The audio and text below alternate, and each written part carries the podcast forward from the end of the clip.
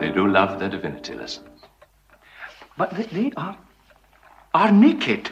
Naturally, it's much too dangerous to jump through the fire with your clothes on.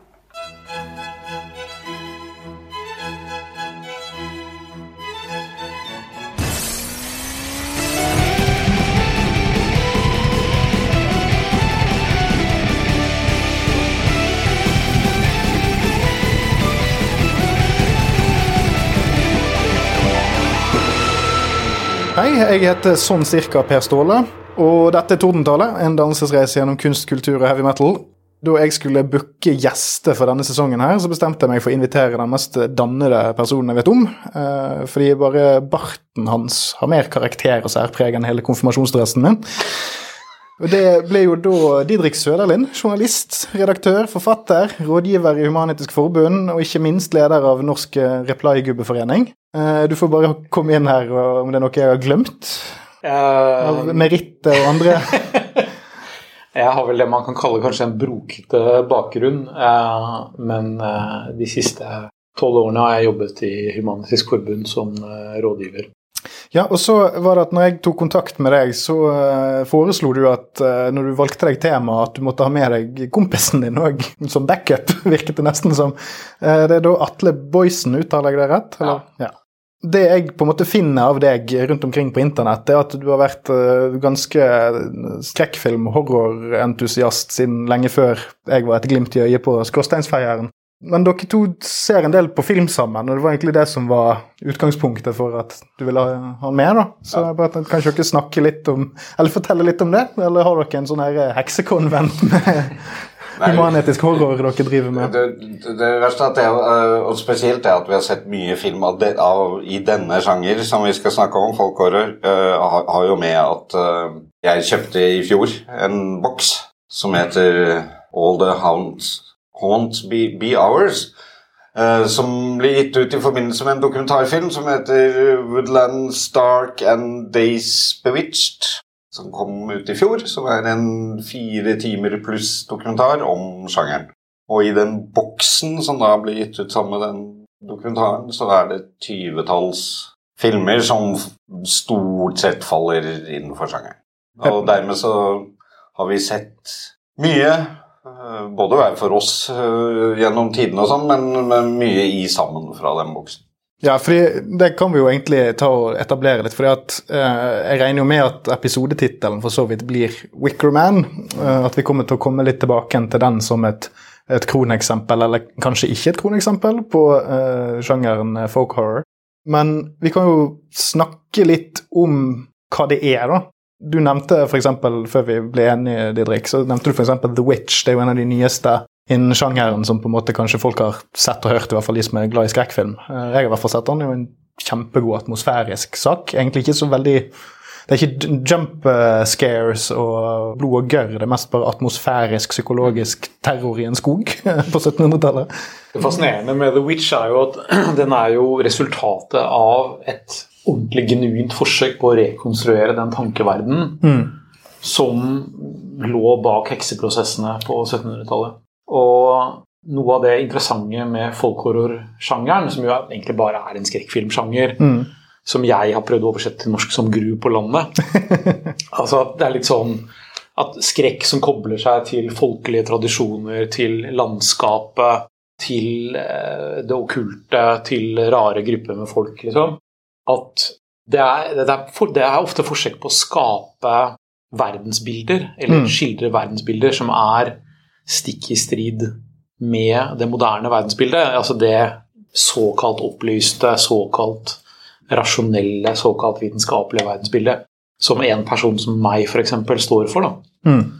Og det er noe av det som fascinerer meg med, med sjangeren, at den er idéhistorisk og livssynsmessig såpass interessant. Okay. Den skaper altså Mye av premisset for en film som The Witch mm. er jo at jeg, med mitt livssyn, sant, som er uten tro på guder, uten tro på demoner, uten tro på noe liv etter døden, uten tro på magiske krefter, at jeg tar feil. Og det syns jeg er forferdelig spennende. Men hva er det da som f.eks. skiller Vi kan jo bare ta det kombinert med et annet eksempel. da. Jeg vil jo f.eks. si at Eksorsisten, den originale, er skummel på litt samme premiss. Eh, grunnleggende sett i dag som The Witch. Eh, at, at Selv om du liksom tar vekk liksom alle disse spy, spyet og gørret og sånt, så er det det som er skummelt med den filmen, er at det kommer noe fremmed og tar bolig i noe uskyldig. sant? Eh, og det er jo òg noe som er på en måte overnaturlig og egentlig ganske kristent. eller hva er det som skiller folkhorror mellom kri, sånn kristentypisk eh, Altså, det, det jeg tenker der, er at, at uh, altså, For det første så, så er, representerer i veldig mange folkhorror-sammenhenger så representerer kristendom den moderne verden. ja. Sånn at det blir ja, ja, altså, og, og den store bølgen med katolsk skrekkfilm som kom på 70-tallet, så en hel masser av dem, er jo stort sett han, han, han er, jo kristne filmer. De handler jo om at det kristne verdensbildet er riktig, er, er eksisterende, og at da demoner og annet fra det verdensbildet altså det, det handler om den, den konflikten som kristenliv eventuelt har. da. Mm. Mens folkhorror er f.eks. som i Wickerman, når kristendom møter paganistisk type religion, og den konflikten, som er en annen, en annen konflikt. Folkhorror tematiserer veldig mye oftere altså førkristne tradisjoner og hedendom og den typen ting. Fordi, som Atle sier, altså det de kristne blir jo da et uttrykk for moderniteten. Så da kan vi liksom bare trekke inn en Altså, det kan være veldig mye forskjellig, men det kan, et fellestrekk kan sies at det er førmoderne, eller før det som er sett på som den kulturens på en måte dominerende majoritetskultur. Ja. Så i Ja, The Witch foregår jo i Nord-Amerika under kolonitiden, tror jeg. Ja. Så der er det jo på en måte den, den her eh, utvandrede eh, pietistiske eh, kristendommen som står opp mot denne eller kontrasten med hekse og heksekraft og den typen ting. Mens vi i Norge kanskje de har forsøkt seg med denne Hulder-filmen 'Tale'. Det er vel kanskje det nærmeste jeg har sett. Den ja, var, var den er til gjengjeld ganske kul. Ja, den er faktisk ganske morsom. det, er- ok, det kan jeg kan la ballen ligge der. Jeg, det er en debatt jeg ikke tror jeg Men, orker å starte. Uh, ja, men, og, og, den der er jo møtet nettopp bare med, med modernitet. Det er jo ikke kristendom som sånn som er eh, konflikten der. Men eh, det, det, det er jo også et, et annet og, det har jo sånn sett med kristendom å gjøre, det òg, men eh, i en folkhorror-klisjé, da, den enkleste på en måte som man møter i film hele, hele tida, er jo den derre Indian burial ground. Mm. Jeg har bygget huset mitt på øh, og, og, Tilfeldigvis. tilfeldigvis, og, og, og det, nå får jeg straffen, som er jo kanskje ikke egentlig handler så mye om tro som om, altså om imperialisme og den typen møte med, med gammel og ny verden. da. Mm. Det er mer sånn hevngjerrig ånd fra Ja, de undertrykte. og den- Som, Og den, det er jo, Når det gjelder nettopp spøkelseshussjangeren, så er jo det spesielt i amerikansk sådan, så, så går jo det igjen ofte. Det har vært mye snakk om at altså, den filmen vi kanskje snakker mest om, 'Wicker Man', er fra 1973. Og mange av disse filmene i folkhorrorsjangeren er ganske gamle, men så har jo sjangeren fått en kjemperenessanse de siste årene. mm. Eh, inkludert også musikk som knytter seg opp mot mye av den samme tematikken. Heilung er vel en uh, Ja, en del, en del sånne ting. Mm. Men, men eh, og, og en del kulturjournalister og sånn har jo sett på dette som en sånn motreaksjon på globalisering. Ikke sant? At man, eh, folk blir lei av hvor, hvor likt alt har blitt over hele verden. da. Ja. Ikke sant? Altså Det er det som, det som man kaller flyplassifiseringen av de store byene. hvor Jeg var nylig i Berlin, og det er jo helt fascinerende når du går ned gata. og, du, og? Altså Det er en Tommy Hilfiger-butikk, og så er det en Rituals-butikk, og så er det eh, en eh, Footlocker-butikk. altså det er sånn, Du kunne vært i hvilken som helst by i Vesten. Mm.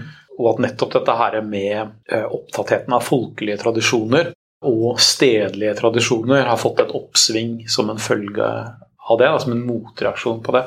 Så er det klart det kan man jo diskutere om er korrekt eller ikke, og alle bølger som blir store, har jo alltid mange forklaringer.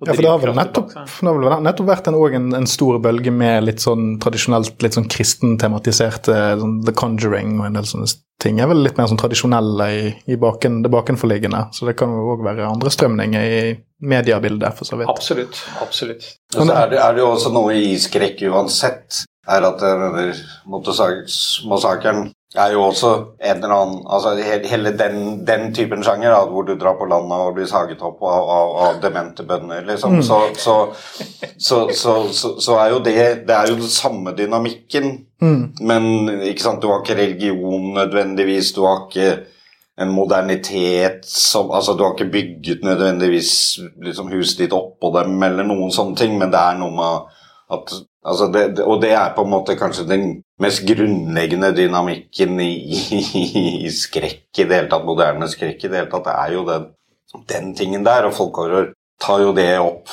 på sin måte, og nettopp Burial Ground-filmene tar det opp på sin måte, så, så det er jo også noe at man trenger på en måte den motsetningen da, for, å, for å kunne lage en fungerende historie. Ja, men har vi, har vi rammene, da? Jeg tenker eh, Filmen har såpass mange sånne små, pussige detaljer og sneie innom en del av det vi har snakket om nå, så kanskje vi bare skal gå videre til en litt sånn generell eh, Wickerman-talk, da. Du uh, har jo sagt sjøl, Didrik, at det, det er en av favorittfilmene dine.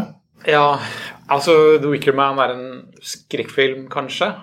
Men den, den, den er også en detektivfilm. Den er også en slags musical. Fra, 19, det sier nok. fra 1973, eh, regissert av eh, Robin Hardy og med Christopher Lee i en av sine absolutt beste roller. Som handler om en kristen politimann som drar til en liten øy utenfor kysten av Skottland for å forsøke å finne et barn som fryktes eh, myrdet. Og uten å gi, komme med for mange spoilers, så, Ja, så når han kommer ut dit, så oppdager han at eh, øya har gått bort fra kristen tradisjon eh, og gått tilbake til førkristen religion. Og han observerer en hel haug med førkristne ritualer og, og, og kult, kulthandlinger.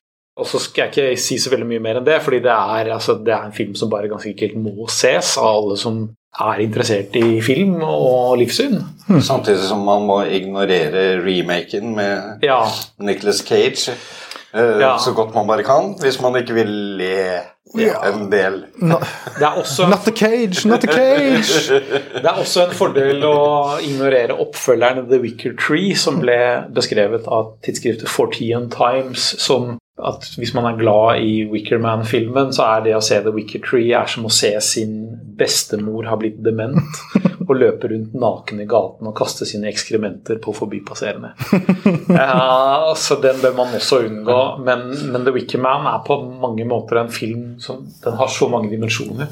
Jeg er faktisk relativt stolt av at jeg i embets medfør som ansatt i Human-Etisk Forbund eh, fikk vist den for alle, medlem, alle deltakerne på sommerleiren til Human-Etisk Forbunds ungdomsorganisasjon, eh, Humanistisk Ungdom. Og jeg eh, som, eh, solgte den inn som ja, med glimt i øyet en instruksjonsfilm til hvordan man skulle behandle kristne.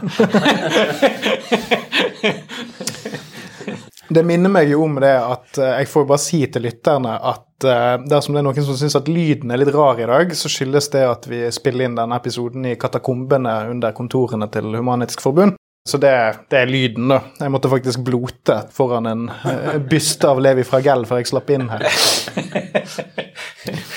Sånn. Så da, da, har vi- da, har vi Ikke med mye nakendansing. Nei, men det er jo en fin Jeg er jo vanligvis på dette showet her så er jeg ganske sånn spoilerific, for jeg tenker at det fins det er sånn, hvis, hvis du har bestemt deg for å spoile, så kan du på en måte se en film litt med overraskelseselement i bakhodet og nyte den litt godt sjøl. Men vi kan jo hvis jeg, hvis jeg glipper, så er jo lytteren advart. Så kan de eventuelt slå av og, og komme tilbake igjen. Og da får jeg flere klikk, ikke minst. Eh, men eh, den er jo virkelig anbefalt. Det kan jo jeg eh, støtte opp om nå. Dette er jo en film jeg har utsatt å se i mange år, og egentlig kun kjenne fra remaken, faktisk. Så den var gjen, ganske gjennomspoilet, sånn i grove trekk. Fordi den, den uh, remaken var jo en sånn Bad Movie Night-greie en, eh, en periode, men nå har den dødd litt ut. Jeg har bare lyst til å komme med en litt sånn generell kommentar før vi starter. Det er jo at det er jo en ekstremt kåt film, men den er òg forfriskende usexy, syns jeg. Det, fordi det, det, er jo, eh, det er jo veldig mye, ja, som det allerede er blitt nevnt her, nakendansing over bål, og eh, det er jo egentlig Det kommer veldig fram at denne, denne paganistiske kulten de har dyrket fram nå, er veldig livssyklusen og det barnesanger som handler om å, å, å, ha seg og få barn, og at eh, livet er en, en kåt sirkel. Men samtidig så er det så Så kommer du litt fra dette perspektivet til denne veldig forknytte politikonstabelen. Uh, og sånn sett kunne jo filmen kanskje òg hett uh, The 40 Year Old Virgin, fordi han er jo ikke en ungsau, eller ungvær, han her, og han er jo da, som han sjøl innrømmer, jomfru. For han sparer seg til ekteskapet. Så det er jo en, bare der er det jo en sånn enorm spenning mellom det etablerte og det som han på en måte blir konfrontert med. Han kommer jo flygende inn. De, de er jo helt isolerte her òg, så han er jo ekstremt nesten litt redd og oppspent gjennom hele filmen. Altså, jeg tror ikke at han Det er jo litt viktig å huske på at han er jo litt en parodi på en kristen. Ja, Du tenker at det er med overlegg? Ja, jeg vet ikke om det er med overlegg. Det kan jo også være at eh, de som har skrevet manuset, hadde bilde av kristne som kanskje ikke var så veldig representativt. Mm. Det, er jo, det, er jo, mye fordommer om kristne også. Men, men det at det kommer en utenfra, fra liksom det moderne, og, mm. og, kommer til et sted hvor de gamle tradisjonene lever videre, det er jo et av liksom, urmotivene i folkehorrorsjangeren. Og det er også det som gjør filmen interessant sånn livssynsmessig. Det blir jo et sånt en sånn åndskamp mellom kristendom og hedendom her, som, som, er veldig interessant, som jo er kjent for nordmenn fra Snorre eh, og sånne ting. Det er jo litt sånn eh, knusing av eh, hedenske gudebilder og ormer, ormer som tyter ut eh, type ting her. Eh, og det er jo noe av det som veldig appellerer til filmen. Appellerer til meg med den filmen. Hvordan da? Fordi at det jeg, En av de tingene jeg tenkte med den filmen, er at han er jo helt åpenbart en hovedperson og protagonisten. Og uten å igjen gå altfor grovt til verk, så er det jo ikke sånn at, at, han tar direkte feil om disse folkene med sine fordommer heller. eh, så, så, det er en litt sånn pussig blanding av at han er ikke spesielt sympatisk, men det er ikke de han møter heller, i møte med han. Og det er jo en del overlegg som ligger bak her òg, så det er jo det er jo ikke noen av partene her som kommer spesielt godt ut av det. Ja, det er jo noe av det sjarmerende med filmen, at, eh, at, det ikke er en svart-hvitt-historie. Det er en historie med, med grå, gråsoner. Og det er jo en mann som, som, har et ganske altså Han er i hvert fall veldig drevet av sin tro. Mm. En av de mest interessante scenene for meg er hvor hvordan han finner den eh, forfalne kirken, hvor ja. taket har falt ned og kirken ikke lenger er i bruk. Og han setter to, bokstavelig talt to pinner i kors Mm. For å på en måte vie kirken på nytt til, til Jesus. Da. Det syns jeg er en veldig interessant og veldig sterk scene. Det var en av de som sto litt frem for meg òg. Ja. Eh, spesielt den her, han går rundt og er litt sånn sørgmodig der. og så det at han, mm. eh, Bare alt dette med denne kirkegården og sånt. Det er litt sånn fascinerende, for at du ser at på en måte naturen har tatt tilbake igjen kirken. så har på en måte, Kirken har på en måte blitt uh, en litt sånn uh, urtilstedeværelse der. For, ja. for for de innfødte så er jo kirken noe gammelt og avleggs. Ja. Så for de er det noe fremmed og ikke, ikke interessant ja. Eh, på samme vis. Det er vel kanskje litt sånn det føles da, å være kristen hvis du f.eks. lever i Norge i dag og på en måte kristendommen mister oppslutning, færre går i kirken mm. osv. Den der følelsen at det du står for og brenner for, kanskje er litt, er litt døende. da. Selv om det er jo egentlig veldig liv i kristendommen i Norge. Det er jo det. Ja, hva Er det Er det 30 vi er nede i nå? Jo, men, jeg, men det, det, interessante med kristendommen er at de mest forutseende kristne har jo begynt å skjønne at eh, hvis kristendommen skal eh, fortsette å leve, mm. så må den forberede seg på å være en motkultur. Ja. Og den gode nyheten for kristne er at det er jo ingen som er bedre på å være motkultur enn kristne. Fordi hele greia starta som en motkultur. Og de er sjukt gode på det. Altså, hvis man leter litt, så finner man øh, levende kristenliv overalt. Dette har jo jeg skrevet og snakket veldig mye om som den livssynsnerden jeg er. Jeg tenkte jeg skulle bryte inn med litt sånn filmnerding. For du, ja, sa du, sa det der med at um, det er mye nøgenhet, men ikke egentlig så veldig sexy sådan. Og det er faktisk ganske interessant, altså fordi at filmen er jo hadde jo antageligvis altså, Er jo veldig avhengig av den britiske uh, horrorfilmbølgen som var på den tiden, nettopp med Christopher Lee og er det, er det Britt Ekeland. Ja. Um, ja. De var vel som, som man kunne reklamere med at danset naken. Og, og, og, på den tiden så var det jo flust med filmer hvor nettopp Christopher Lie og nøgne damer løp etter hverandre, holdt jeg på å si. Så, så, så det, men det sier noe om Jeg tror Hardys seriøsitet på en eller annen måte i dette her. At han, han tar disse her eh, elementene som er spekulative og veldig populære i tiden, og som man nettopp kan selge filmen på, og nettopp bruker det, men bruker både Christopher Lee og Ekeland på, på egentlig helt på andre måter enn hva man kunne forvente seg av dem. Og det, det, det er faktisk en ganske sånn interessant ting eh, i, i forhold til den der eh, altså, Hva skal man si eh, Den tiden den filmen kommer fra. Ja, for den har jo en litt sånn her Det føles jo litt som om de har tatt en av de litt sånn oppstyltede politikonstablene fra Med hjertet på rette staden og puttet det inn i en Hammer horror-movie. Men så, samtidig så leverer den ikke den hammer-horroren du tror du Hvis du gikk på kino basert på plakaten, som man jo faktisk gjorde på den tiden, og ser Christopher Lie og, og Britt Ekelands og kanskje et stillbilde av øh, Ekeland se- semitoppløs, så, så, så forventer du deg noe helt annet da, enn det du faktisk får. Og der, der tror jeg nettopp det med surprise-endingen og sånn, at den filmen har vært ganske overraskende og ganske sånn intens for et publikum som i hvert fall sånn uforvarende gikk og så den. Men det er jo noe av den slagkraften i filmen som har gjort at den har eldet så godt også. Min introduksjon til filmen kom jo fordi jeg var, med, var del av et miljø der hvor liksom undergrunnsmusikk møtte nyhendom. Da.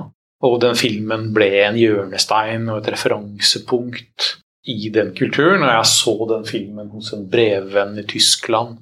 Det var nesten en sånn transcendent opplevelse å liksom få sett den filmen og, og omgitt av alle mulige rare ting. ikke sant? Altså Over TV-en hang det et bilde malt av John Wayne Gacy, blant annet. ikke sant? Det var sånn, En ekte Gacy. ja, en ekte, Eieren var meget, meget stolt over at det var en ekte John Wayne Gacy. Så, så det, var- liksom Urine med et sånn, av ofrene hans på kaminen. ja, så, så, så det var liksom um, det, det er jo blitt en, en kultfilm som, som ha, har en status i en del miljøer.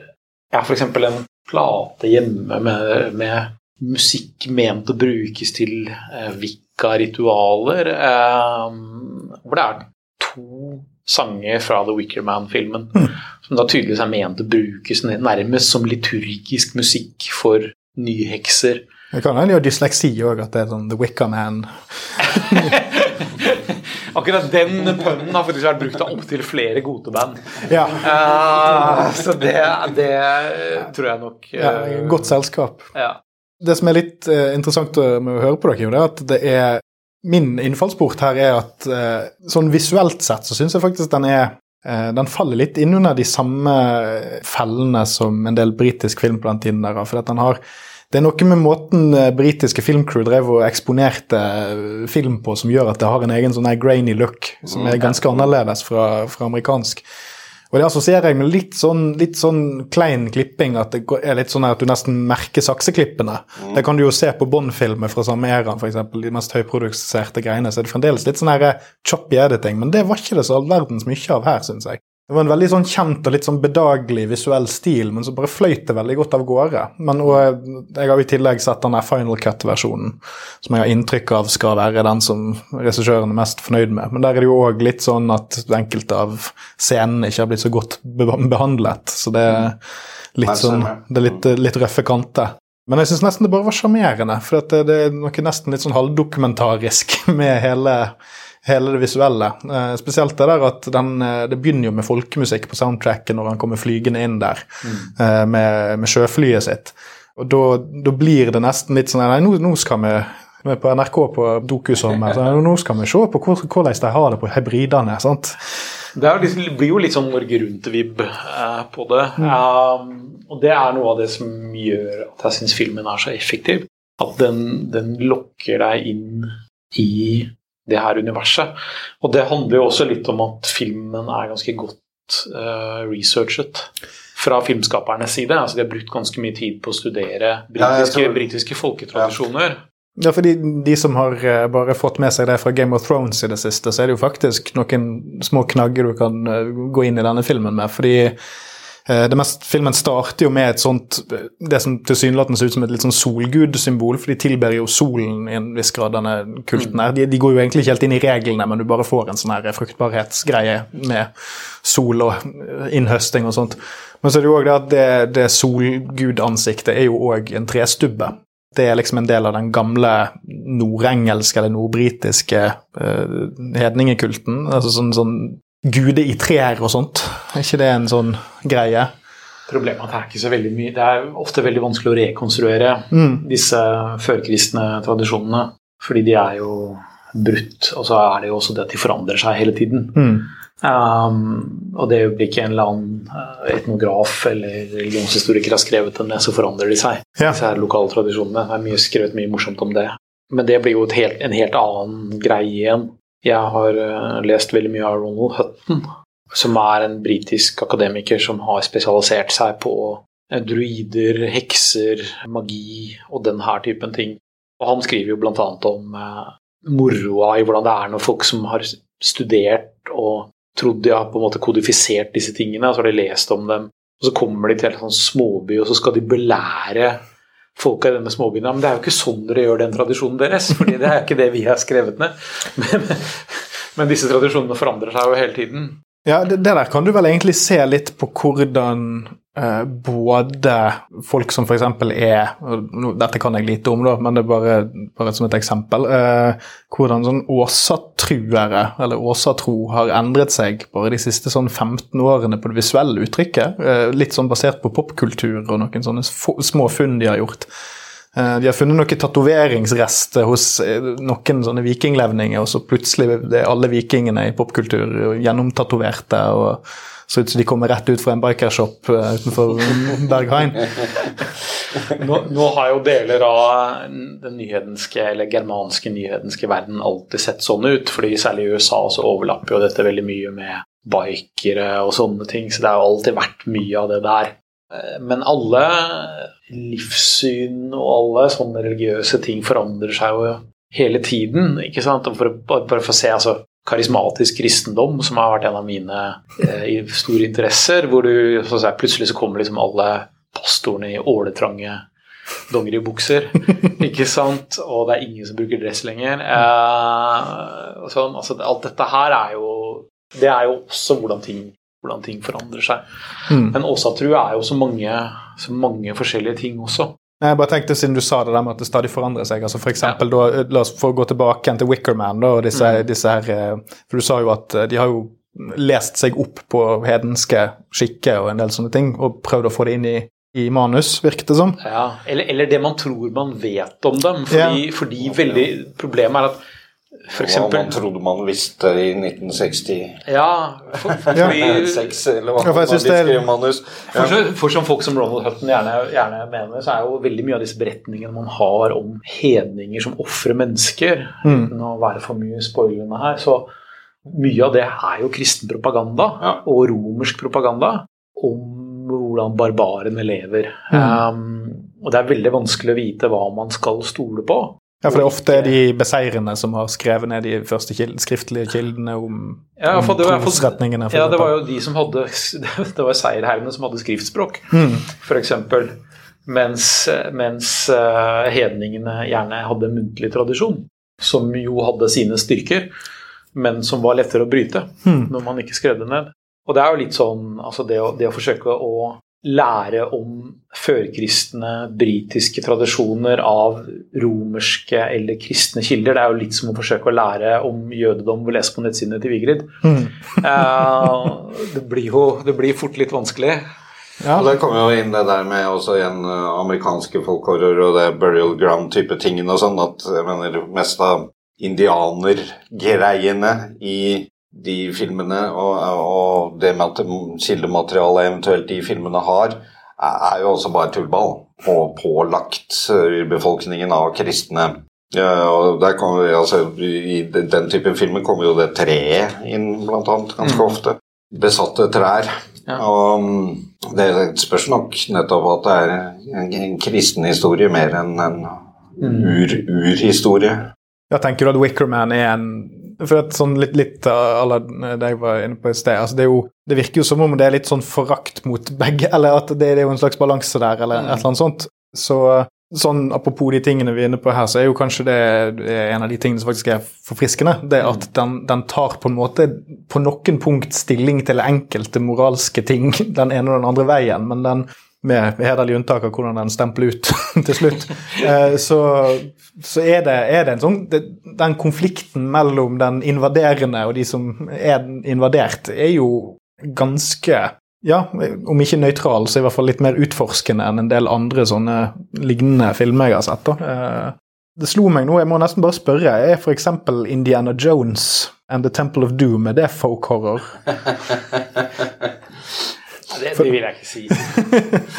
det, er, det er ikke folkhorror, for det er jo nettopp Det er jo klassisk imperie-action-historie, på en måte. Det er, mm. det, men, men, men, men igjen er jo dynamikken der. Altså den der møtet med skumle kulturer som uh, man må ta i tur med. Mm. Og, og, og, stort sett er jo der, Og der er jo Wickerman annerledes i den forstand at det er kulturen man altså Selv om sympatiene ligger på begge sider, så er det jo tross alt den kristne som er, er kind of the bad guy her. Og, og det er i hvert fall ikke han som vinner. Og, og i, i f.eks. Indiana Jones, så, så, er det jo mottatt.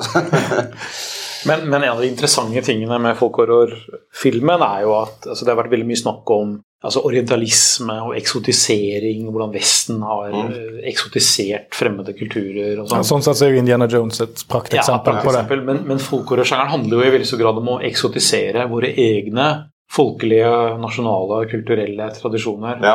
Ja. Uh, og det er, noe, det er en annen ting ved det som appellerer til meg. Altså, det er på en måte en slags det man kalte sånne uga-buga-filmer før, om uh, afrikanere som, som uh, koker misjonærgryter og spiser mm. og sånn. Bare at disse handler om oss.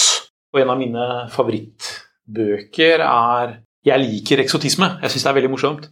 Selv om jeg ser alle problemene med det.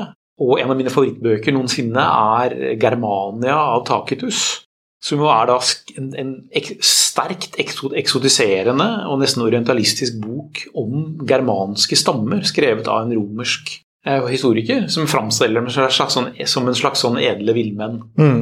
Og det er forferdelig morsomt, fordi det er både veldig idealiserende og veldig nedlatende. Sånn som Vesten alltid har skrevet om mm. folk fra andre kulturer. Ja, Noble Savage. Ja, ikke sant? Noble Savage, eller liksom hvordan enten folk fra Asia er liksom De er enten opphøyde åndelige vismenn, mm. eller de er primitive, barbariske, nærmest barn mm. som, som, lengter etter uh, en, en, hvit mann som skal komme og holde dem i hånda og opplyse dem.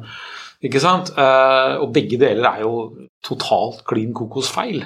Uh, men, men, jeg elsker det at liksom det på en måte De som eksotiseres, og de som orientaliseres, i mangel av bedre ord, er hvite folk. da det syns jeg, jeg, er veldig morsomt. Folk fra vår kulturkrets, altså våre folk. Det syns jeg er utrolig morsomt, selv om du da selvfølgelig også har en sånn, en sånn klassekonflikt. ikke sant? Fordi det blir jo en av altså, storbyeliten. Det er den caffè latte-drikkende storbyeliten som kommer ut, og så møter de for så å bli motorsaget. Ja, å bli motorsaget, å bli motorsaget eller ofret til en førerkristen guddom. Ja. jeg, jeg, lurer på om det var derfor uh, tankene mine gikk til f.eks. Eksorsisten. Ja. Når du snakker om de tingene der, for Det er nettopp det med det nære. At man på en måte, alle, alle har f.eks. vokst opp med kristendom eller en eller annen avart av det. Så selv katolis om katolisisme er litt eksotisk, så er det noe du kjenner. Ja. Uh, så ideen om at en eller annen slags, at, at den kristne mytologien skal ha noe for seg, men at ikke på den måten du er vant til. Eller at det utfordrer deg på et eller annet slags vis, eller at det er en slags sånn ondskap du bare ser yttergrensen til i det du på en måte ser i filmen eller leser i boken. Eller Det finner jeg litt uh, til felles med uh, Wickerman og med det lille jeg nå kan om denne sjangeren, fordi det er det som på en måte er det skumle med denne, sånn som jeg så det, var at den, den er så slow burn på det. Det er dette at, at uh, Igjen det du sa med, med liksom det, det hvite majoritetsperspektivet. At han, han, kommer liksom inn som en autoritetsperson. Ikke bare er han kristen, men han er jo en representant for staten. Mm. og skal etterforske en veldig alvorlig sak. Men så blir han ikke tatt på alvor. altså Folk driver og kødder med han hele tiden. Han, han, han, er, han lukter liksom lunten at det er, ting er off ganske tidlig. Men, men ikke på noe tidspunkt blir han behandlet med den autoriteten han føler at han fortjener å bli behandlet med. Og han blir ganske sint og tverr ganske fort.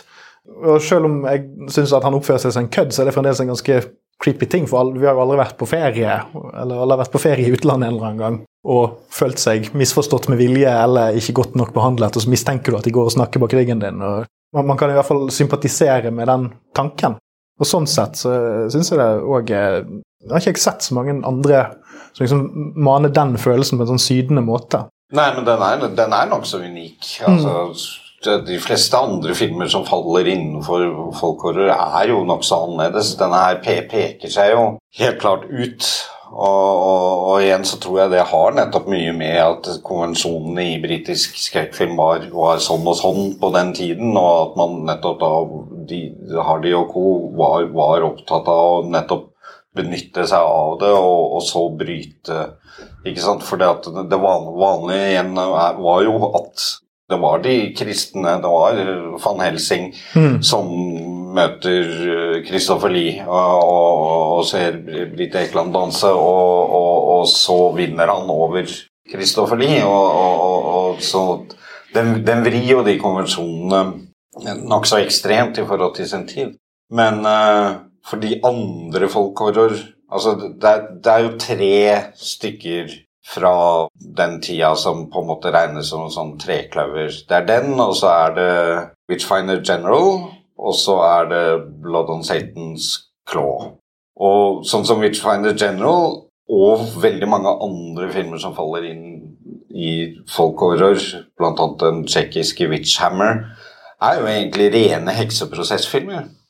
Altså, de, de forholder seg til historiske begivenheter og, og handler om menn som jakter på hekser og brenner dem. Det, det, det er og, og, og den typen filmer faller jo altså, også under altså regnes jo som folkhorrorfilmer i stor, stor grad. Og Der har du selvfølgelig konflikten kristendom og hedensk. Men, men der er jo historien på en måte veldig altså Når du setter deg ned for å se de filmene, så vet du på en måte at den kristne hovedpersonen på en måte er, the bad guy. Det, det vet du fra, det, det vet du fra, fra, fra første bilde, på en måte. Når du Witchfinder General med Vincent Price, så er det, er det, det er ingen tvil om at han er ondskapen. Ja, for Jeg har ikke sett noen av de filmene, der, men hvem er det som er perspektivet der, da? Er det, Nei, det er, altså spekulative gjenfortellinger av historisk begivenheter. Altså, Witchfinder General handler om Jeg husker ikke hva han heter, men var en kjent heksejeger som med en stor entusiasme torturerte øh, primært kvinner og, og brant dem på bål. Witchhammer handler om det samme, men, men i, på, på fastlandet, europeisk fastland. og der, der, Så skrekken ligger ikke i Skrekken ligger i at han er mm. en ond- ondsinnet person som, som forfølger folk. liksom. Men det er den ondsinnede personen vi følger, eller er det ofrene? Ja, det er altså den ondsinte personen vi følger. Men, det er, også- men også, også samtidig følger man også ofrene. Men, men han er veldig altså Witchfinder General, som nettopp har Vincent Price i, i, i en nokså uvanlig rolle, er, er, eh, og seriøs eh, rolle, eh, så er jo han helt klart ho hovedpersonen, på en måte.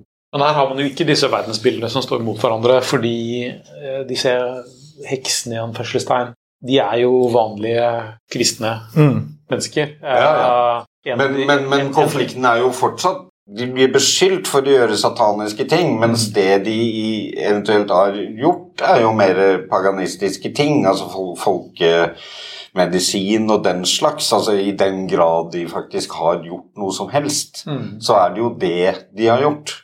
Og så blir det erklært satanisk. Mm. Så, så, så det, konflikten ligger jo der allikevel, da. Ellers er det bare at det, at det å anmelde naboen for hekseri kan være en fin måte å overta Bli- naboens gård på. Ja, ja. Men så var det vel, eh, akkurat sånn apropos det, så var det vel at hekseprosessene var vel Historisk sett så har de jo ikke vært så utbredte som man har inntrykk av at de var i ettertid. Absolutt ikke. Jeg vokste opp med forestillingen om millioner av kvinner på bålet. Mm. eh, og for hvert tiår som har gått siden da, så har jo tallene blitt radikalt nedjustert. Siste tallet jeg som da jeg jobbet med dette som forskningsjournalist for en 15 års tid siden, det var eh, under 40 000. Det er fremdeles ganske mange mennesker. Ja. Men er det både Europa og Ja, det er hele, hele sulamitten. Det som Mm. derimot er lett å glemme, er at det har vært drept flere anklaget for hekseri i Afrika siden 1945 enn har vært i hele Europas historie. Så i Afrika så er dette et økende problem. Ja, Albinoer og sånt har jo Ja, måttet men flykte. også Det er det jeg kjenner fra nyhetsbildet, i hvert fall. Ja, dette er delvis et resultat av kristen misjon i Afrika, som har kommet inn og tatt og sett på altså, animistiske og folkereligiøse forestillinger som har vært moralsk nøytrale eh, eller moralsk positive, og så har de demonisert dem og Mm. sett på dette som uttrykk for demoniske, sataniske krefter. Eh, og så går det veldig gærent. Det er veldig mye det er, det er lett å tenke at hekseting ligger i fortiden, men det er Mm. absolutt et moderne fenomen. Men det, det setter jo i perspektiv, det med de tallene der. Altså, Ja. Selv om de historiske tallene kan være litt Man får jo aldri pinpointet eksakt, men, men likevel. Over flere Ja. hundre år, ikke det det? Ikke fra, jeg vet ikke når hekseprosessen startet, er det 1400-tallet? Altså, altså i, I Skottland så, for eksempel, så har man jo hatt et sånt stort nasjonalt hekseforfølgelsesprosjekt med historikere som har jobbet Ja, men historie er ikke, ikke sånn at de faktisk forfulgte hekser. Nei, nei absolutt ikke, men, men, men, forsket, men forsket på det historisk. Mm. Og så har det jo også det at faktisk, det, var, det var faktisk eh, en som ble dømt for hekseri i Storbritannia under krigen. Fordi hun brøt en slags sånn kvakksalvelov ved at hun angivelig snakket med åndene til mennesker som hadde gått bort under krigen. Da. Ja, Eh, Rett for at hun gir, gir vekk krigshemmeligheter og sånt. ja, det var litt sånne ting, men også det at altså det, det var egentlig litt mer en sånn kvakksalverlov Mm. som, som hun brøt, men hun ble iallfall dømt for hekseri, da, i en eller annen forstand. Så du, du har jo en del sånne snodige historier også. Men, men ehm, Man tar det man har i jussen. ja, I det man, tilfellet, man, kanskje. man gjør jo det. Og der er vi jo igjen tilbake til det altså underliggende premisset i, i mye av folklore-sjangeren med som hva hvis det moderne verdensbildet, som iallfall jeg i en eller annen forstand representerer, eh, Mm. tar feil. da. Hva hvis det faktisk går an å mane fram de døde som det Hva hvis de hedenske gudene er sanne? Ja, for der, der ramler du inn på en, en ting jeg har skrevet ned her. Det er jo det at Og det bringer oss kanskje over tid tilbake igjen til Christopher Lee, for han er jo verdt å snakke litt om. Eh, Men Christopher Lee sin eh, rollefigur i filmen han er jo da lord Summer Isle, og så heter denne øyen Summer Isle. Eh, og så er bakhistorien der er at bestefaren til Christopher Lee, eller lord Summer Isle, han dro dit på 1800-tallet, og han var en sånn eh, ja, en botaniker. altså Sånn opplysningstidsbotaniker, basically. Eller i hvert fall litt etter opplysningstiden. Og dyrket fram forskjellige typer eh, eksotiske frukter. Det, du kan, det vel i, filmen så kan du vel se litt sånn palmetrær og sånne ting som ikke Ja. egentlig passer inn i men, men de dveler ikke så mye med det. De snakker ikke så mye om konkret hva det er. De er veldig kjent for eplene sine, visstnok, på den øyen. Men så er det da at over tid, gjennom tre generasjoner, så har denne vitenskapeligheten da blitt at de har gått tilbake til de gamle gudene. Som jeg syns var en litt sånn interessant fusjon. Nå, nå husker jeg ikke om det var sånn at han originale lord Summerisle var den som introduserte det, det hedenske. Det husker jeg ikke, eller om det var noe som skjedde med faren eh, til lord Summerisle. Men det er i hvert fall en sånn Man skulle trodd at det skjedde på en annen måte, på et vis. At, å ja, at nei, de har bare begynt med, begynt med hedenske ting for shits and giggles, men det er på en måte en aristokrat som har kommet og lurt de innfødte fra den, den kristnes perspektiv. da. Men det er jo igjen et interessant, eh, en, interessant ting, den kombinasjonen av opplysningstenkning og hedendom. Mm. Som jo ikke er, altså, ikke er så fjern som man tror. Altså, eh, mye av framskrittstankene som veldig mange nordmenn har, er jo delvis, er jo delvis eh, helt falsk. En kollega av meg, eh, Morten Fastevold, som jobber mye for Romantisk Forbund, han pleier å si at den personen som vi ser på som den som, som begynner den humanistiske tradisjonen, uh, Pico de la Mirandola, som regnes som den virkelig første store humanisten, Poset. Uh, ja. han, han ville følt seg mindre hjemme i Humanistisk Forbund enn han ville på Martha Louises engleskole. Ja. og, og den ideen om en sånn oppstigning til eh, rasjonalitet er jo også ganske falsk. Mm. En av de mest interessante utviklingene i religionsvitenskapen de siste årene er at man har begynt å se på okkultisme og esoterisme som interessante fenomener som er verdt å undersøke religionsvitenskapelig. Fordi det har blitt litt Det har vært sett veldig ned på, Mm. veldig stigmatisert innen vitenskapen eh, og innen, innen kulturhistorien. Sjøl blant de, de ikke-religiøse Ja, eh, Ja, fordi, fordi, fordi man, har, man har ikke villet snakke om f.eks. hvordan en god del ledende modernistiske kunstnere for eksempel, var dypt påvirket av kult tankegods. For det passer ikke med den forestillingen man har om, eh, om moderniteten og rasjonaliteten og ikke sant? Altså, F.eks. hvor mye abstrakt kunst som egentlig er forsøk på å fange okkulte verdener i bilder. ikke sant? Eh, og at man begynte å, å nå se mer seriøst på det. da. Og Det er veldig interessant, og det gjør jo at altså veldig mye av moderniteten har faktisk vært påvirket av okkult og esoterisk tankegods. Og det er absolutt verdt å undersøke. Og der er jo vi igjen tilbake i den folkhorror-greia, hvor dette, hvor dette kommer fram fra kjellerne og luftes i offentligheten. En av de tingene jeg tenkte på, akkurat det med rasjonalitet og sånt, som du nevnte, det er jo eh, Arthur Conan Doyle er jo veldig kjent for to ting. Det er Sherlock Holmes og det at han trodde på alver. Ja. Som er en litt så, Bare for å illustrere poenget ditt, kanskje. Det er jo òg denne viktorianske liksom høyden av liksom denne liksom, sementeringen av det britiske imperiet og alt dette her, og det er det vi ser på som ja, det, det øverste av vestlig kultur da, fra den perioden der. Eh, Ja, og ikke minst altså at sånn, eh, rasjonalitet. Mm. Hvordan rasjonalitet og irrasjonalitet kan, kan eh, sameksistere Mm. i en og samme mann da, i så ekstrem grad. Eh, For én ting er jo at Conan Doyle var, var spiritist og sånn, som i likhet med veldig mange folk dannede, opplyste mennesker på den tiden. Men, men at han liksom var så var i tillegg så, så fjollete naiv at han, at han fant, falt for noen liksom, ungjenter som har tegna noen alver, Mm. eh, basert på ting de har sett i moteblader, er liksom helt, det er bare helt sprøtt. Altså. Så, så Ja, for, for den, den scammen han helt konkret falt for, som man har bildebevis av, er bare at de har, du ser at noen har tatt bilde av eh, noen sånn utklippede pappting. ja, Sånn ja, små, små feer med, med, med vinger Ja, i en hage. du trenger ikke å være Photoshop-ekspert for, for å se det. Så det er liksom det at det er så parodisk at den Lage to filmer om det. Ja, Ja. absolutt. De tar vi neste gang. Apropos det, det rasjonelle og det, og det okkulte, så er det jo Christopher Lee. Du nevnte jo at det var yndlingsrollen hans. Iallfall en av de han har satt Ja. pris på. Det som er litt artig, er jo at han er så utrolig lite Christopher Lee her, men det er vel kanskje derfor han er så glad i han, at han ikke ble typecastet inn i denne rollen.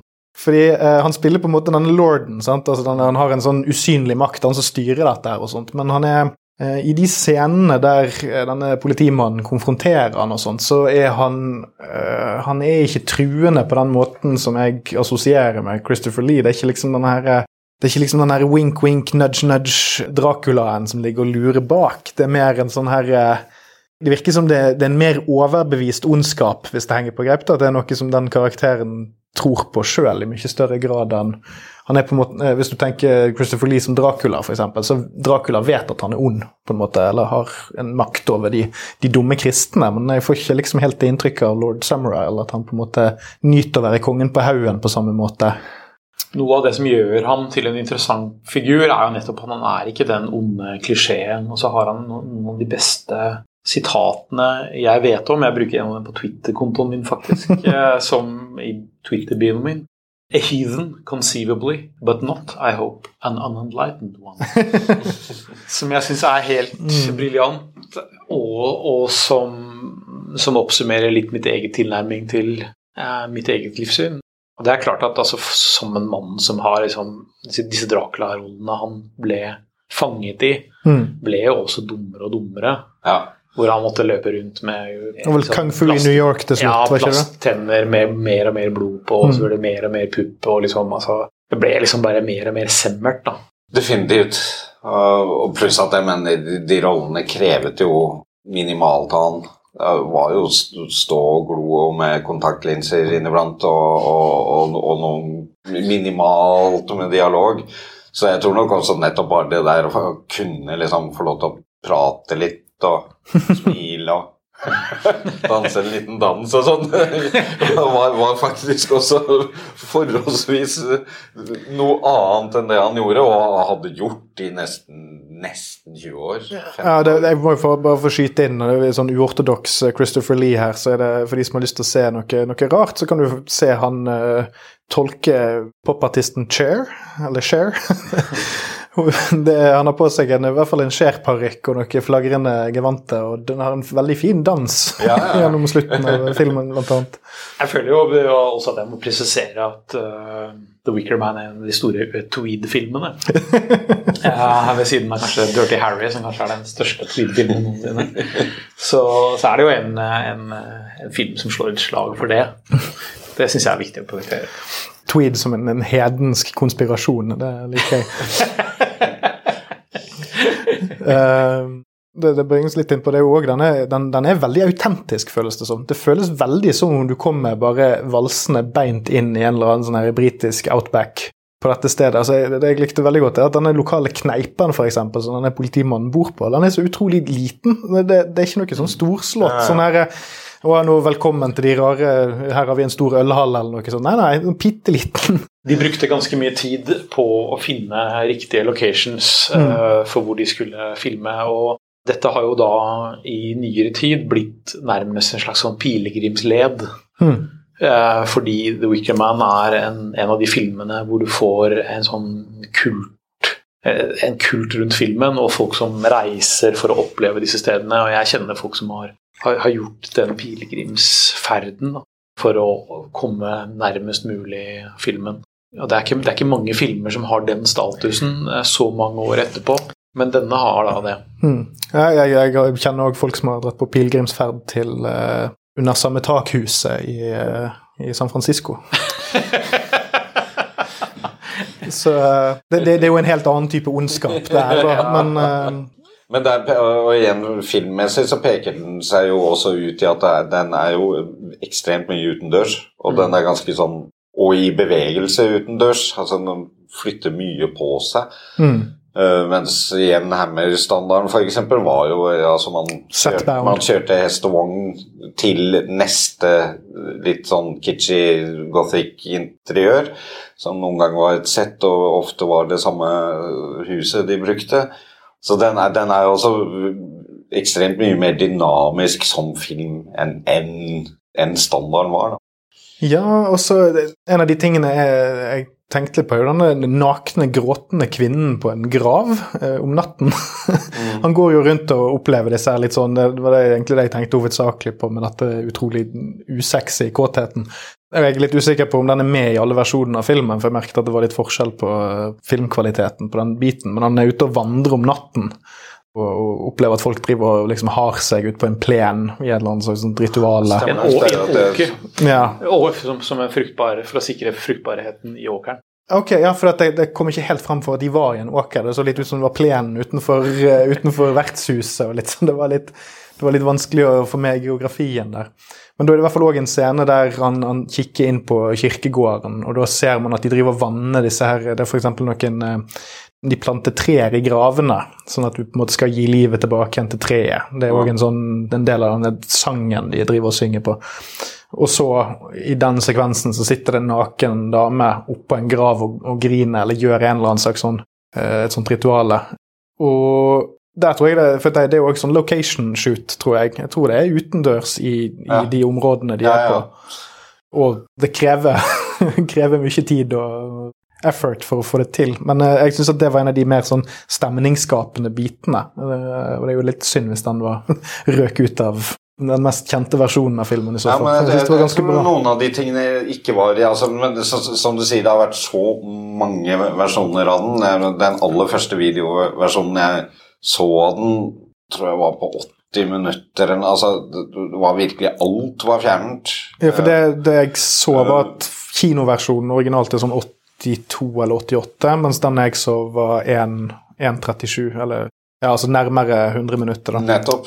Altså, første videoversjon var nedklippet kinoversjon. Hvor mye av nettopp nakenhet og, og sånne ting var fjernet. Og så har, har den på en måte vokst i, i, i, etapper siden. Eh, Så nå, nå er det jo, som du sa, en Directors Cut som, som vel er nokså standard. Den man får tak i. Og den inneholder helt klart noen ting som ikke, ikke var i kinoversjonen. Men det er jo litt ofte sånn eh, det er med kultfilm, at det, de er ofte ikke helt perfekte i den første varianten man oppdager. For den her har vel egentlig hatt sin following siden 70-tallet med alle sine versjoner og sånt, men det er jeg forestiller meg at den versjonen jeg så, er vesentlig bedre enn den, som, den som kom ut i utgangspunktet. Ja, ja. Eh, Ja, helt klart eh, en, en av Jeg er ofte uenig med Directors Cuts, faktisk, og syns ofte at eh, den originale kinocut eh, ofte er best, men akkurat den her så er jeg helt enig. Den er, den er helt klart bedre i sin fulle versjon. Og så slår det meg som en veldig veldig dårlig idé å prøve å gjøre denne filmen mer kommersiell. Den har jo ingen den har jo ingen appell i det hele tatt hvis du prøver å gjøre den mainstream. Det er jo ingenting igjen hvis du klipper den ned. Precis. Eh, Burde du ikke snakke litt om 'Midtsommer'? jo, det kan vi godt gjøre. Vi kan godt gjøre det. Jeg har ikke sett den, da, men hvis du har lyst til å Nei, ja, eller det er kanskje Didrik enda mer, men det er jo faktisk Når man i hvert fall snakker om type remakes og type nyere varianter, så er jo 'Midtsommer' helt klart en, en, en veldig klar Åndelig oppfølger. opp- oppdatering av, av hele konseptet i Wickerman. Absolutt, og den er jo også Og hvor mye av nettopp ritualene og sånne ting også Det fins et helt klart knut, knutepunkter der. Absolutt, samtidig som 'Midtsommer' også bringer inn et annet element utover disse førkristne, hedenske tradisjonene som enten har eksistert eller ikke. Mm.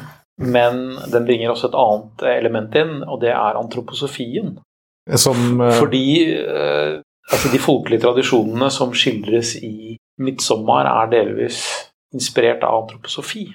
Uh, Og det er Steiner-skolefilosofien. altså, ja, det er filosofien som underligger Steiner-skolene, men som i varierende grad påvirker dem.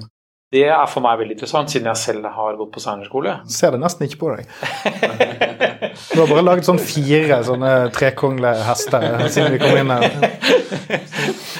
Nei, men jeg, jeg, Det er nok my, mye av min interesse for aparte religiøse tradisjoner som jeg har hatt hele livet, begynte nok med at, eh, at jeg opplevde en del rare ting på Steinerskolen eh, og i de miljøene som, som jeg har i forskjellige grader vært sint på eh, og i forskjellige grader har forsonet meg med.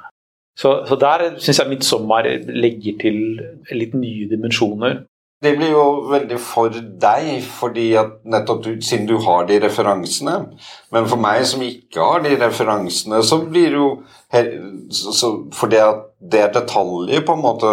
Men for meg så blir det egentlig veldig likt det som er i Wickerman. Altså, for det er fertilitet, og det er offer for øh, at neste års uh, Avling. avling skal, skal liksom være vellykket. Altså, ikke sant? Det er, det er de, de tingene jeg, jeg som da ikke har, har den innblikket via Steiner-tingen Det er i hvert fall sånn interessant at for, for, for meg så blir det veldig en remake av Wickerman. Men hvordan, Ja, kan, kan jeg bare skyte inn, og jeg som ikke har sett uh, 'Midtsommer', bare sånn for å kontekstualisere det litt. uh, det eneste jeg kan ut ifra filmplakaten og det jeg har sett av en trailer, og sånn, er det at det er en maisstang der, og det driver de òg og vaser mye rundt med i Wicker Man.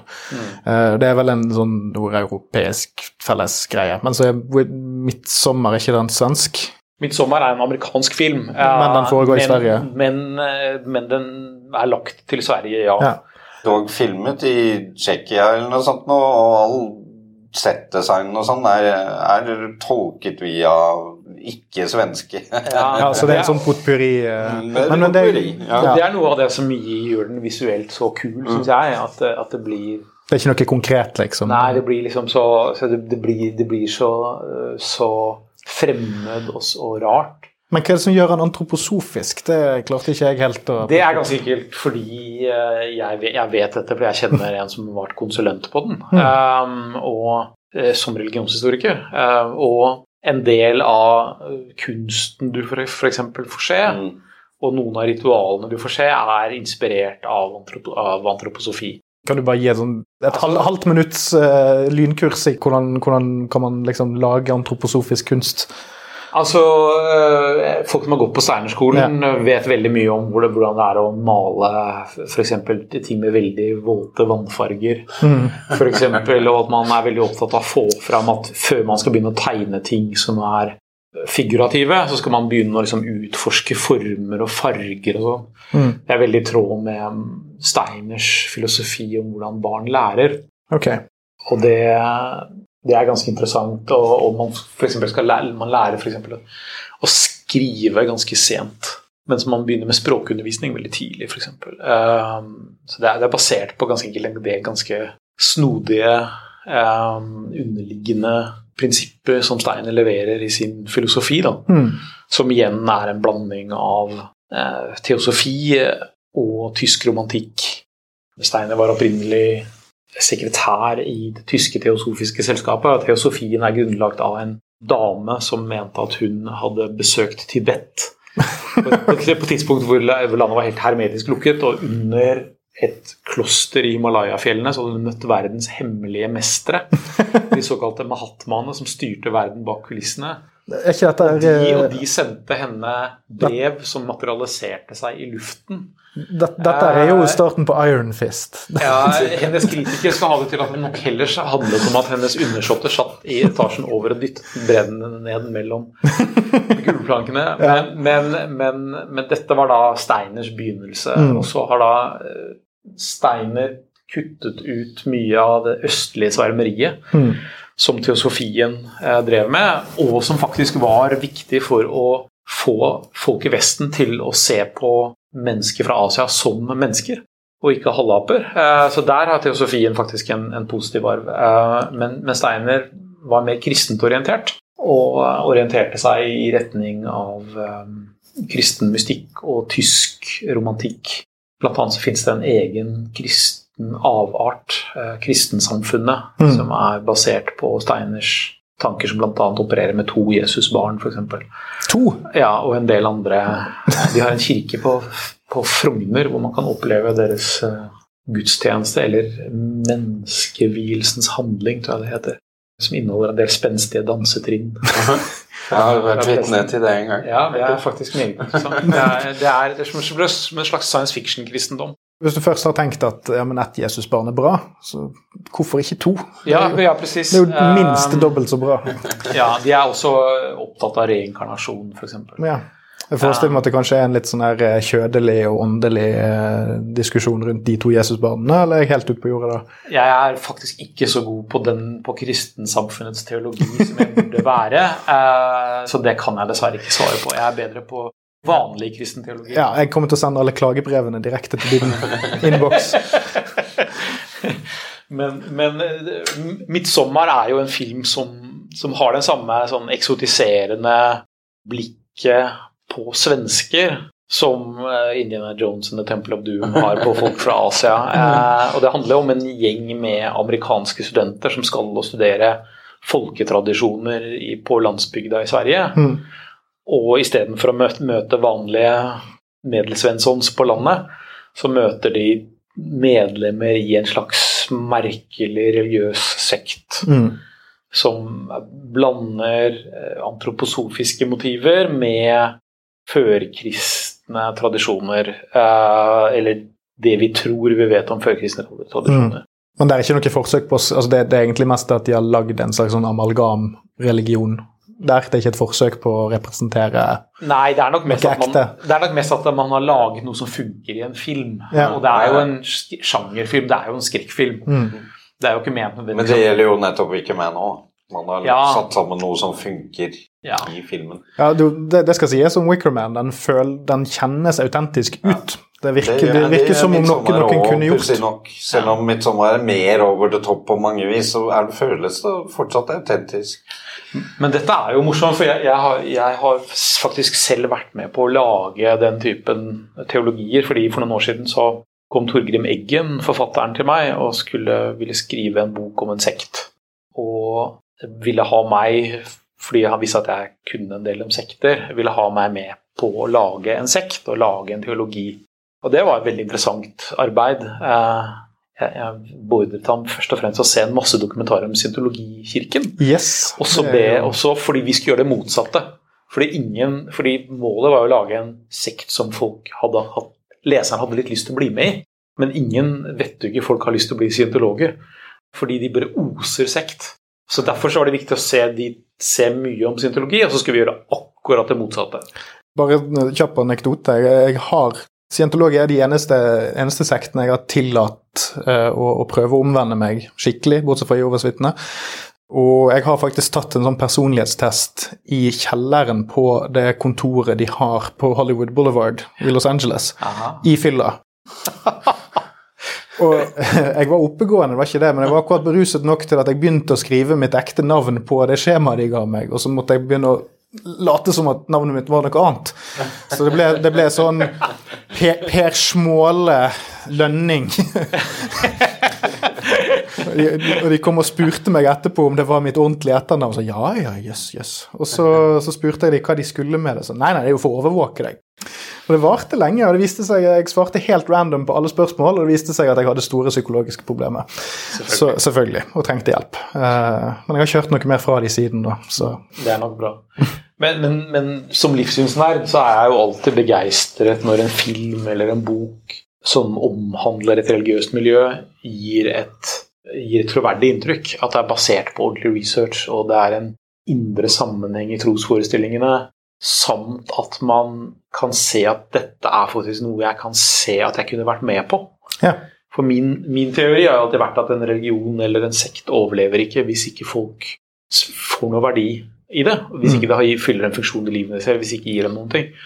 Og Derfor så setter jeg alltid pris på at noen faktisk gidder å sette seg ned og lage noe som gir mening, som er, du tenker at dette kunne jeg faktisk synes var gøy å være med på sjøl. Og både The Wicker Man og 'Midtsommer' gir jo det inntrykket. Ja. Klart at uh, I 'Midtsommer' er det jo også et veldig stort element at dette er noe man er født inn i. Uh, sånn som det ofte også er med antroposofi, f.eks. Men, men det, dette inneholder kvaliteter. Da. Ikke minst er jo 'Midtsommer' en ekstremt estetisk film. Jeg mener jo at den gjør for uh, linklær det de tidligere Marlon Brando-filmene gjør, gjør, for uh, sorte skinnjakker. uh, og det er, den er veldig estetisk gjennomført, og det er jo noe av det som gjør at det denne sekten eller kommuniteten holder på med, virker tiltalende.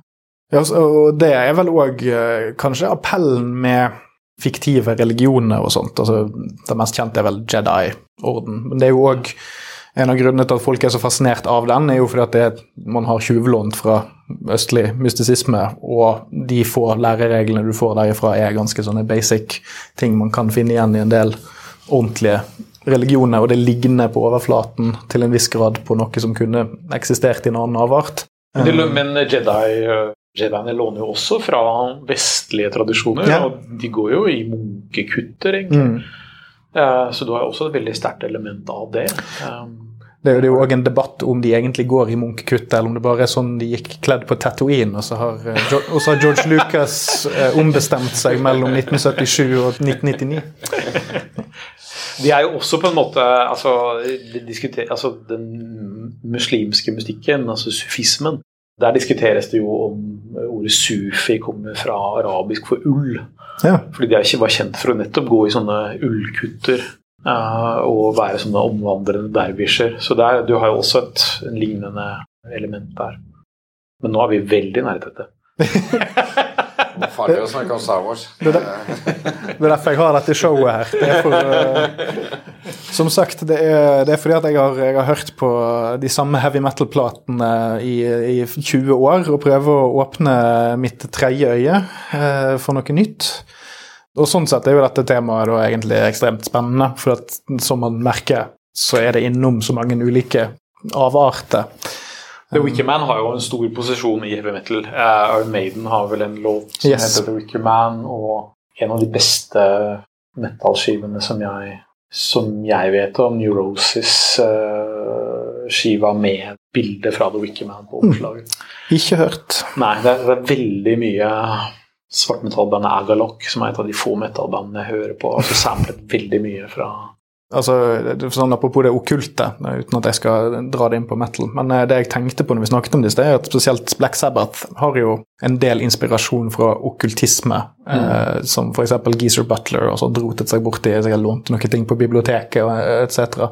Eh, så den der utvekslingen der er litt sånn det er artig å bli gjort litt bevisst på det. fordi at eh, når du bare blir utsatt for det gjennom å høre på plate eller annen populærkultur, så tenker du at ja, ja, det var bare noe som folk drev og holdt på med på 70-tallet fordi de ikke hadde internett. Sant? Men så viser det seg jo da at det er noen strømninger i kulturen generelt. Altså, altså I Wickerman så refererer altså, Det er jo noe som publikum på den tiden der kjenner til på et eller annet slags vis. Det er jo ikke noe som bare kommer helt ut av ingenting.